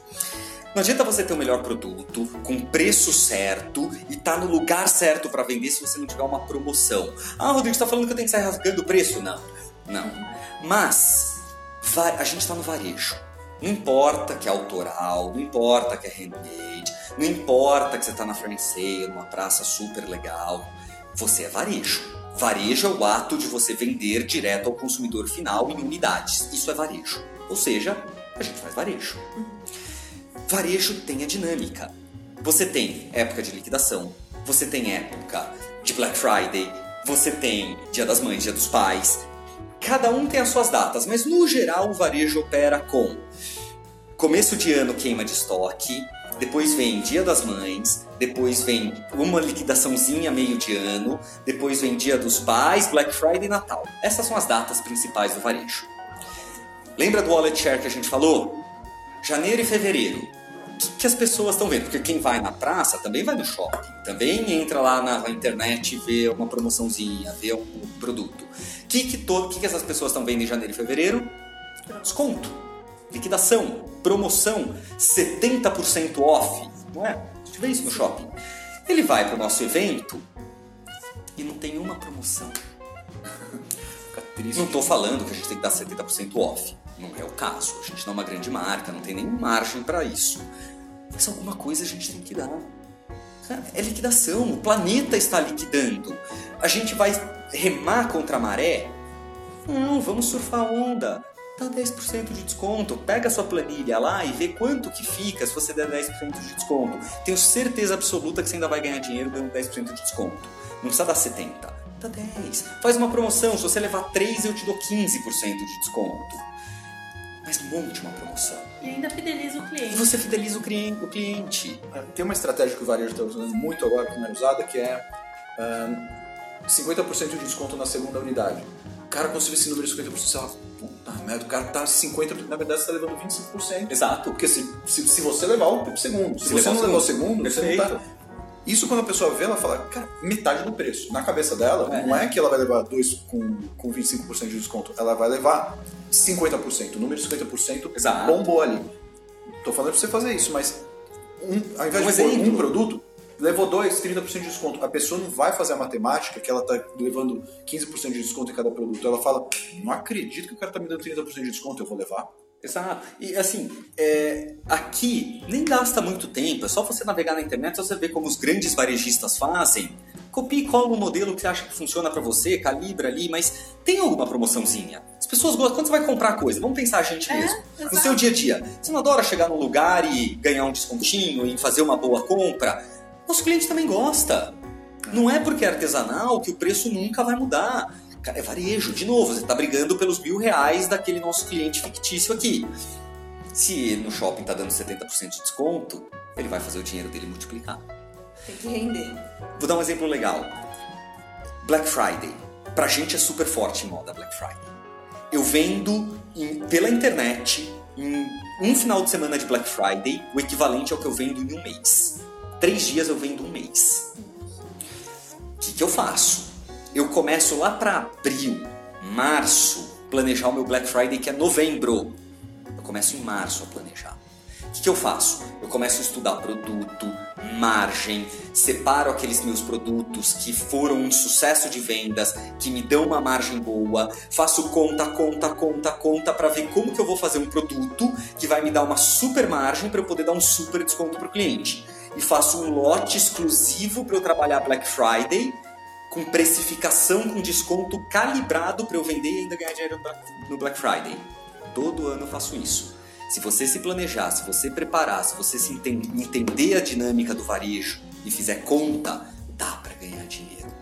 Isso, voltando aqui para o que a gente estava falando, essa primeira célula que é preço. Preço.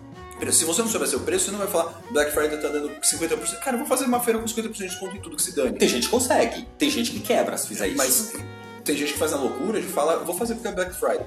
Cara, vai saber se consegue pôr uns 30% de desconto, vende pra caramba, mas não tem. Se você não souber o número, sabe, você não sabe quanto de desconto você vai dar. Lógico. Não tem nem ideia. Lógico. Não sai saindo dando desconto, ah, o ano tá dando desconto, a marca, minha marca concorrente tá dando 30%, vou baixar pra 30%.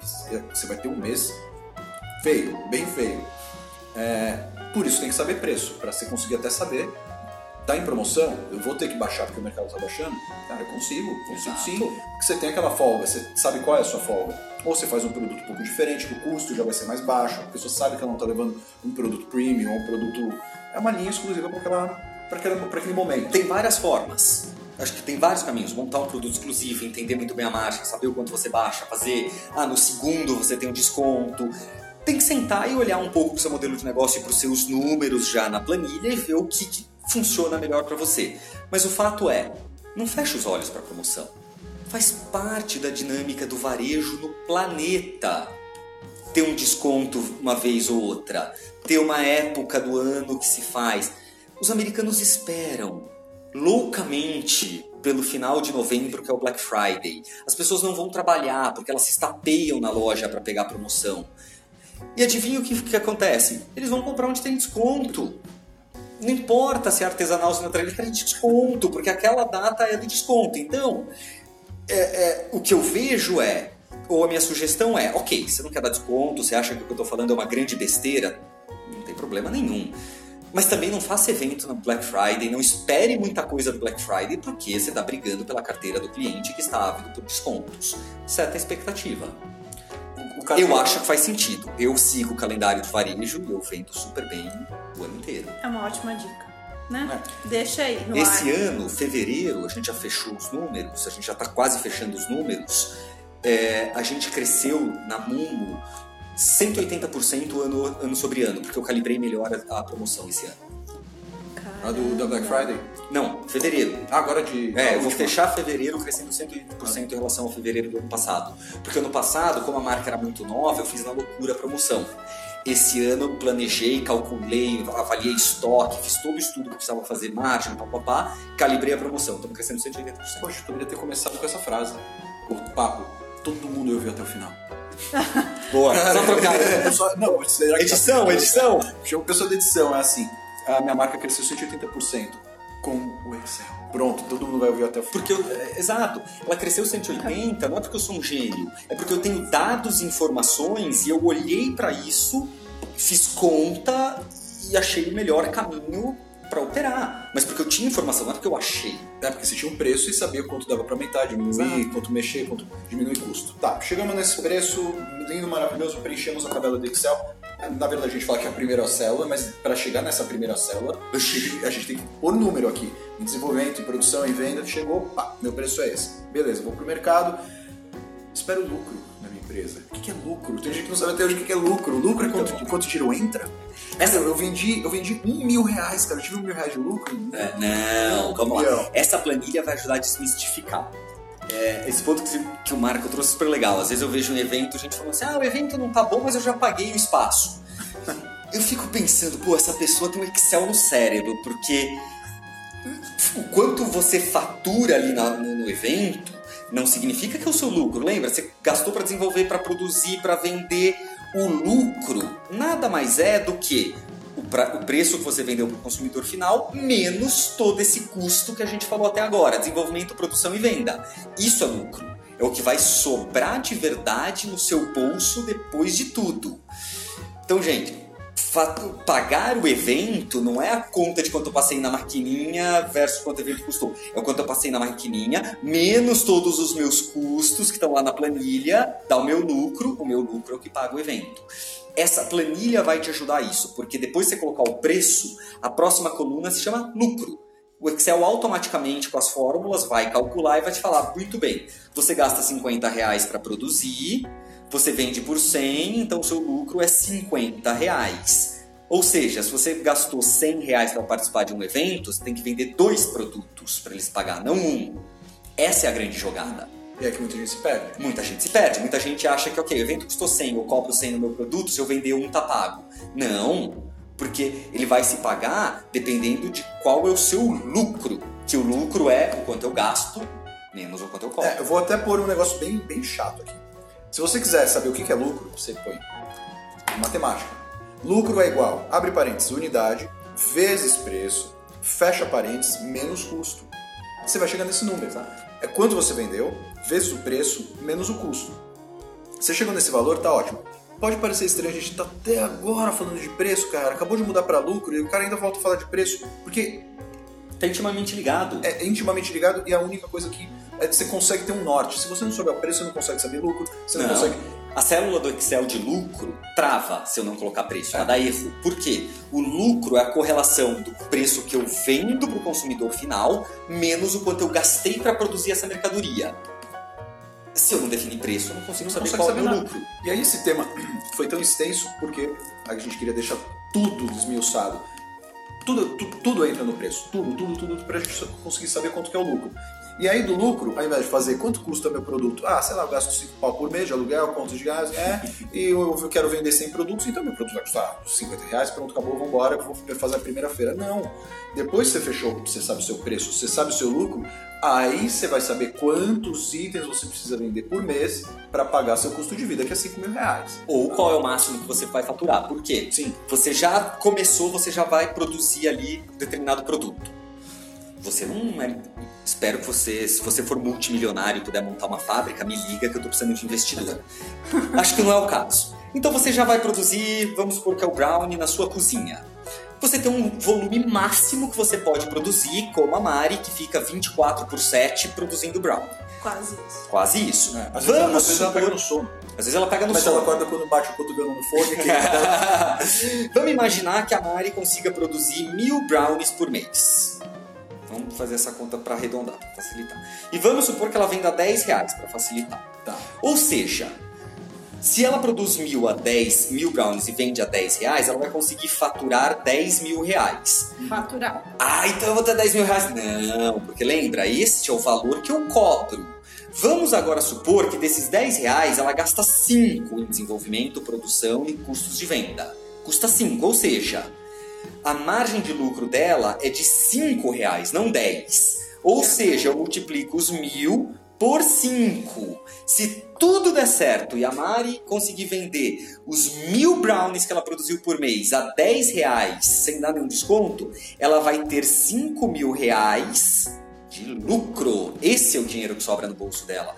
Ah, mas custa 8 mil reais a minha vida. Então eu vou subir o preço unitário. Será que você vai vender? Acho que não. Aí a gente começa a entrar em planejamento de negócios. Então, se você quer ganhar 8 mil reais por mês, o brownie custa 10 e tem uma e, e o custo dele é de 5, você vai, na verdade, precisar produzir e vender mais do que mil brownies. Aí você vai ter que montar um plano de negócio de como você vai produzir mais do que mil e como você vai vender Que mais aí- do que mil. Que aí é o tal gargalo. Aí que tá o gargalo. O seu Você, você não gargalo. consegue mais produzir, aumentou, você precisa vender mais para pagar sua vida de 8 mil, mas você não consegue vender. Ou você vai arrumar um jeito de gastar menos do que 5 reais para aumentar a sua margem de lucro. Tem N formas de você chegar no seu objetivo. Você vai ter que olhar para sua planilha, para o seu modelo de negócio e falar, ok, qual é a forma mais efetiva que eu tenho para ou baixar custo, ou se der para aumentar preço, ou aumentar volume, para me sobrar mais dinheiro no final do dia. Mas lembra, sobrar dinheiro não é o que você passa na maquininha do seu cartão. É isso menos o quanto você gastou para produzir tudo. Que é o preço. Exato. Que o Mas preço. antes de mais nada, precisa fazer essa planilha toda que ele tava explicando Sim. desde o começo. Ah, só- pra começar. Sem essa planilha não dá nem pra básico, conversar. Pra cada Não. produto. Pra ca... Boa, mas pra, Pra cada, cada produto, não é na Peraí, Quantos média. produtos você tem? A Mumo, até hoje, a gente já produziu mais de 800 produtos diferentes. Eu tenho uma planilha com uns 800 produtos. Isso que eu ia falar, você tem uma não é uma média. Um a um. Se uma camiseta custou 20 e a outra custou 300, não- você não vai fazer uma média de Não, 320 um a um. de 20, A minha planilha tem mais de 800 linhas de produto. Então, é, Para, não vamos ter mais prática. E eu não, e eu não deleto os produtos do passado. Por quê? As informações do passado vão me ajudar a tomar decisões no futuro. Então, o que, que eu faço? Aqui já vamos só dar uma pincelada rápida, mas como eu tenho todas essas informações, eu acompanho a performance de cada coleção que eu lanço de roupa. Então, eu lanço a coleção, eu olho quanto eu gastei para desenvolver, por quanto eu vendi, quanto de desconto eu tive que dar para mover, quanto sobrou de estoque, qual é a performance, o quão boa foi essa coleção. E aí, com isso eu aprendo, sento com a Lu, que é a minha sócia estilista, sento com a Rê, que é minha esposa barra sócia do financeiro, e a gente discute o que a gente aprendeu e como que a gente vai fazer a próxima coleção para ganhar mais dinheiro, olhando todas essas variáveis. Mas isso, para chegar nesse ponto, primeiro tem que ter a planilha, começar a coletar dados, mas só para vocês terem uma ideia de aonde dá para chegar com essa informação muito bem estruturada. e quão importante é ter pra cada produto. Indispensável. Tem que ser pra cada produto. Se você faz um- uma caneta, um lápis, uma borracha, eu tô falando, você tem que fazer um Tem pra que cada. ser. É, às vezes a gente vem em feira, a gente que vende dois produtos semelhantes, mas o custo dele é visivelmente diferente. Eu não tô nem falando em tamanho. É, às vezes a pessoa fala, ah, sei lá, faz uma média. Não, você não consegue ba- baixar o preço se você tiver uma média. Se você tiver dois produtos com um custo muito parecido, tudo bem. Mas se tiver dois produtos, um custa 8 e você vende a 10. Mas mesmo com outro- custo parecido, eu separaria. Sabe por quê? Depois, para você linkar as vendas que você fez, você tem que linkar com um produto específico, não com um grupo. Porque aí você vai começar a entender, ah, o meu, por exemplo, ah, você tem o brownie de brigadeiro e qual outro sabor? É o tradicional e o blonde. O tradicional e o blonde. Vamos supor que o custo é virtualmente o mesmo. Qual que vende mais? Não é um chute. É você listar tudo que você vendeu e depois você conecta com a planilha e fala, pô, o blonde está vendendo mais do que esse. Essa informação super bem conectada, ela pode te dar algum insight de como você melhorar o seu negócio. Sim. Cada produto é uma linha, cada produto é uma margem, cada produto. Até para precificar. Outra coisa, imagina, imagina cada coleção que a Mumu lança, a gente tem, sei lá, 30 produtos diferentes. Cada produto eu tenho PP, PMG, então você multiplica 30 vezes 4. É esse o estoque que eu tenho para trabalhar. Quando eu vou precificar, eu faço um a um. Só que depois eu tenho que pegar esta coleção e olhar de forma global o preço de cada produto para ver se faz sentido. Faz sentido eu cobrar numa saia, por exemplo, 299 reais e uma blusa 189? Não sei. Eu preciso olhar. Porque isso acontece. Como você está olhando isoladamente cada produto, você vai buscar melhor rentabilidade. Só que a hora que você olhar o seu portfólio inteiro, você vai ver que tem discrepância. Então, por exemplo, vamos supor que o, um brownie custa quanto? Na, não não para produzir, para o consumidor. 8. 8. É, você tem a, a jarra. Quanto? O pote. pote. O potinho custa 35. 35. Se você não colocar esses dois preços para o consumidor de forma é, holística, vamos chamar assim, você corre o risco de cobrar muito caro por um produto e muito barato por outro, o consumidor olhar e falar, pô, mas por que, que esse custa tanto e esse aqui custa tanto a mais? Então, você precificar um a um vai te ajudar depois a olhar o preço final equilibrado da sua família de produtos. E aí vai ter um preço que você vai baixar um pouquinho e vai perder um, vai ganhar um pouco menos de dinheiro, mas porque não pode ficar tão descompassado. E aí você calibra o preço geral da sua empresa, de todo o seu negócio. Pra não entrar numa. Porque senão um pode competir com o outro. E aí você põe. É igual carro. Repara que carro é o seguinte: você tem um carro ali, vamos pegar por exemplo, um carro popular. Ele tem vários preços, do mais básico possível até o mais completo. Repara, se você não reparou, entra lá no site da Volkswagen, da Fiat, etc, vai ver. Depois tem uma outra família de um carro melhor do que esse. O pior carro da família superior tem o preço muito parecido com o melhor carro da família inferior. É proposital isso. Você tem uma faixa de preço que é só do básico, e a hora que você vai subindo na pirâmide, de repente você olha, bom, eu posso ter um carro completaço, ou eu posso subir a categoria de um mais básico por virtualmente o mesmo preço. E aí você vai transicionando o consumidor para sua linha de produto, ajudando ele a entender e também subir a barra e vender produtos mais caros. Mas eu não posso ter um carro top de linha de uma família que custa, sei lá, 49 mil e o próximo modelo custar 89. Eu não vou levar o consumidor de 49 para de 89. Mas se eu tiver um de 49 e depois tenho um por 52, opa, você não quer ver o de 52? Já é outro, porta-malas é maior, ele já de série vem com isso. Ah, pô, 3 mil a mais? Ah, vamos ver esse. E aí você vai subindo o consumidor na sua gama de produtos. É. Decoy chama isso, né? Isca. Você tem um estudo até disso quando você tem três itens. Você Ah. põe o do meio muito discrepante com o de cima e com o de baixo, para a pessoa achar que o terceiro vale muito mais a pena do que o primeiro e o segundo. Mas o primeiro e o terceiro tem uma diferença absurda. Mas quando você põe no meio para comparar, a pessoa fala: pô, tô tendo muito mais vantagem nesse terceiro. Exato. Se você pega o A e o B e não põe esse no É um meio, gap muito grande. É um gap muito grande. Quando você põe no meio, isso te- Você- até, até um negócio que chama é decoy, D-E-C-O-Y. Não sei em português, acho que chama isca. E é muito bacana esse, até pra usar nas lojas, É. esse efeito isca. E tem um outro que é bem legal, que a gente. Aí é varejão esse termo, hein? Boi de piranha, já ouviu falar? Já. Boi de piranha. Boi de piranha é o seguinte: você vai fazer um preço, um produto com preço super baixo, que vai ser o seu produto de entrada. Que é o que fazem lá no supermercado. Ah, por, sei lá, tal coisa por um preço ultra baixo. Vo- Você leva o consumidor atraído por esse preço baixo, mas a hora que ele chega lá, você tem o decoy da vida com vários outros produtos mais legais, melhores, e as pessoas acabam comprando um produto mais caro e não esse baratinho.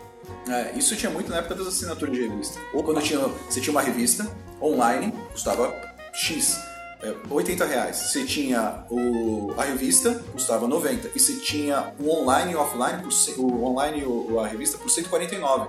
Fala, mas eu não quero só online. Também não quero só por um pouquinho a mais, eu levo esse Você leva os combo. dois. Mas você foi atraído pelo primeiro preço baratinho que era só o online. É. Isso, isso é o que no varejo se chama de boi de piranha, o produto de entrada que se atrai a atenção do consumidor e depois você tem uma estratégia de portfólio para subir. É. Mas de novo, isso é. mas- É outro talk. É outro. Vamos, vamos- já tem um tema novo. É, então temos aqui margem, temos, tem- temos preço, temos custo, temos lucro, temos. Sei lá, difícil. Tem a tudo. Agora a última coisa que falta, sabe o que é? Saber se o evento que você participou foi lucrativo ou não. Sim, ah, uma coisa que você falou agora que faltou falar. Às vezes você chega num número, quando você põe, você fala, pô, eu consigo vender mil brownies a, a X reais. Se você fizer esse estudo antes, você pode falar, esse negócio não é rentável. Não vou, não vou começar. Não vou, não vou bater a cabeça, não vou sair produzindo mil brownies para ficar com 5 mil, vai faltar 3 mil no meu orçamento, quero diminuir o meu orçamento. Parte para outra. Cria um produto maior, cria um, um bolo que você vende inteiro, e ao invés de vender mil brownies por mês, você consiga vender 100 bolos por mês. É, na verdade, teoricamente, essa planilha, todo esse estudo tem que ser feito antes de você lançar o produto. Sim. É, é, isso é o que a gente chama de business case. É quando você senta para fazer toda uma análise do potencial do negócio e você coloca todos esses números e olha para ele e fala: Bom, faz sentido eu colocar meu tempo e meu dinheiro nisso? A resposta pode ser não. É, se for não, não tem nada Se for demais. não, ok, parte É. pro próximo. Sim, e sem muito apego. É, é- é um produto, é, é isso aí o que vai gerar dinheiro, não um filho que você vai jogar, jogar fora, amassar com papel e jogar fora. Não, acabou. Põe na gaveta. Quando você aumentar a sua produção, tiver uma cozinha maior, alguém fizer uma parceria, você fala, cara, eu consigo agora produzir 2 mil brownies. Bora. Aí você já tem. Nada é perdido. Não, de forma alguma, tudo aprendizado. Cara, essa conversa foi muito boa e a gente só arranhou esse negócio de custo, Só. preço, Posso só falar uma última coisa? à vontade. Como saber se o evento foi bom ou ruim? Eu escuto muita gente falar, ah, foi bom, ah, foi ruim, mas por quê? Ah, por que? Não sei. A gente vai transformar isso em número. O evento é bom ou é ruim baseado em um número. E os números são, não mentem. É... Esse número a gente pode chamar ponto de equilíbrio? Pode. Ou é um assunto muito. Não, não, o conceito de ponto de equilíbrio é o seguinte, é quando o, o lucro que você tem, é, o, o volume de vendas que você gera, ele paga todos os seus custos e te sobra zero. Aí é o ponto de equilíbrio. É ponto de equilíbrio. Dali pra cima é lucro. Dali pra cima é lucro. Dali pra baixo. Dali pra, é prejuízo. Aí o cara consegue falar o evento foi bom. Aí você consegue falar se o evento foi bom. Você tem três faixas. Perdi dinheiro, empatei ou ganhei dinheiro. Só que lembra, tudo isso tem a ver com lucro, não quanto você passou na sua maquininha. Então veja bem, a matemática é super simples. É, você vai primeiro listar tudo que você gastou para participar do evento. É. Parecido com o que a gente falou ali do desenvolvimento de produto. Você gastou a inscrição, tem evento que tem taxa percentual, tem você gastou gasolina para ir até lá, você gastou alimentação para ir até lá. Tem gente, como a Mari falou que não é um bom vendedor, contratou um vendedor frila. Você vai listar tudo que você gastou para participar do evento. Isso vai dar um valor X. Você vai colocar ali o quanto você vendeu em, em, em dinheiro, que é o que você puxou da sua maquininha, e você vai olhar lá para sua planilha e ver qual é a margem que você faz no seu negócio. Você vai pegar e multiplicar isso pela margem, você vai saber o seu lucro. Lembra o quanto custa versus o quanto eu faturei? Você vai ter o seu lucro. E aí você vai ver se o quanto você gastou versus o seu lucro, não o que passou na maquininha, como que é a relação desses números. Se ele for igual, é o tal do ponto de equilíbrio. Você não ganhou, mas não perdeu. Que é uma coisa interessante que você falou. Tem gente que fala, ah, a feira foi boa, foi ruim, sem saber. Você pode até não ir à feira. Se uma feira custar 800 reais e você sabe quanto, quantos produtos você teria que vender para chegar nesses 800 reais, você fala, puta, essa feira não passa muita gente. O ticket médio é alto, mas passa pouca gente. Eu não conseguiria vender 300 produtos. Porque 300 é o meu ponto de equilíbrio. Exato. Então, se você acha que você vai vender 200, 250, não vá nessa feira e fale mal. Fala, essa Não feira, essa feira passa Não gente pra cacete, é uma feira de rua, passa muita gente. É uma feira que é junto com um festival de música, vai passar 5, 8 mil pessoas. Essa feira é interessante pra você, porque seu ponto de equilíbrio em 250, você bateu assim. Ticket médio é baixo. Tudo bem, você vende um produto de 8, 10, 15 reais. Já pra uma pessoa que vende joia, Não não faz é sentido. interessante. É interessante uma feira que passe menos gente, que fique mais tempo na barraca dela.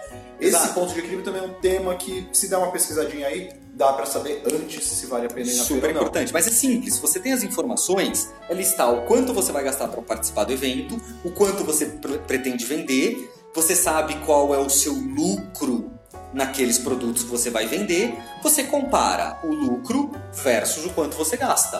Acabou. Você tem que gastar menos do você tem que gastar menos do que o seu lucro. Essa é a conta. E aí, aí o evento é bom ou ruim. Então você divide o custo fixo pelo preço mais os variáveis, que é o valor da feira, que é o quanto você gastou para ir, quanto você vai gastar para voltar e mais alimentação. Fazendo isso você consegue chegar no número X. Desse X para cima, lucro, X para X pra baixo, baixo, prejuízo. E você pode fazer isso para os eventos que você já participou e aprender com o passado, ou você pode usar isso quando te chamarem para um novo evento. Você põe lá na planilha, quanto custa o evento? Custa tanto. E aí você começa a fazer perguntas mais inteligentes para os organizadores.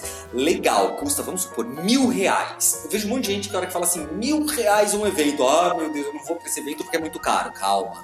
Não existe caro e barato, existe que dá retorno que não dá retorno. Simples assim. Custa mil reais. Tá. Aonde é o evento? Quantas pessoas você espera levar no evento? Qual a média de gasto dessas pessoas? Quanto na média os expositores vendem? Que tipo de produto vai estar lá? E aí você vai reunindo as informações e de repente uma feira de mil reais, mas que vai passar, vou chutar, tá gente? 100 mil pessoas. Porra, 100 mil pessoas? Talvez dê, dê jogo. Então você vai colocar isso na planilha, vai fazer conta e vai falar: bom, para essa feira de mil reais fazer sentido, eu preciso vender, vou chutar que não fiz conta, 500 brownies. A pergunta que você vai se fazer é: dá para vender 500 brownies nessa, nessa feira? Se a resposta é sim, vai e vende. Se você nunca fez nada parecido, compara com feiras parecidas. Você já fez feiras de muito. Ou pensa, esses 500 bravos. Teve alguma feira que eu cheguei perto disso? Cara, teve uma feira que foi bem menor e eu vendi, sei lá, 200. Pô, mas é menos da metade, cara, mas era uma feira bem menor. E essa daí passam 100 mil pessoas. Só que você começa a usar informações, dados e fatos para poder julgar. Você não vai chutar. E outra coisa que eu vejo muito, o pessoal fala assim: "Ah, essa, esse evento é horrível". Mas porque quem falou foi quem vendia, sei lá, vou chutar, cachorro quente. Cara, talvez aquele evento cachorro quente não tem saída. Por exemplo, tem, tem eventos de ruas super populares que enche de gente, que é um formigueiro humano. Para mim, moda, esse evento não é bom. Para mim, que vem do Brownie 8 reais, Deve arrebentar. arrebenta de vender. Pra mim é ruim. Mas não significa que o Marco é, é, é, Itramari seja ruim. Pra mim é ruim porque, como tem um volume muito grande de pessoas, é na rua, etc., a tendência das pessoas é comprarem produtos mais baratos, comprarem mais comida, não comprar moda. Pra mim são melhores ou- outros tipos de evento, mas eu fiz essa conta. Eu vejo muita gente também falando assim: não, eu vou em tal evento que é super bom, cobram só 100 reais. Gente, vamos lá. Ok, 100 reais é barato. Mas o que, que adianta eu ir para um evento que vende 100 reais, eu vender 5 brownies e ficar com um prejuízo de, sei lá, 80 reais? Pra mim, é perder dinheiro e tempo, isso E aí. pra gente, pra quem mexe com alimento, ainda mais o nosso, né?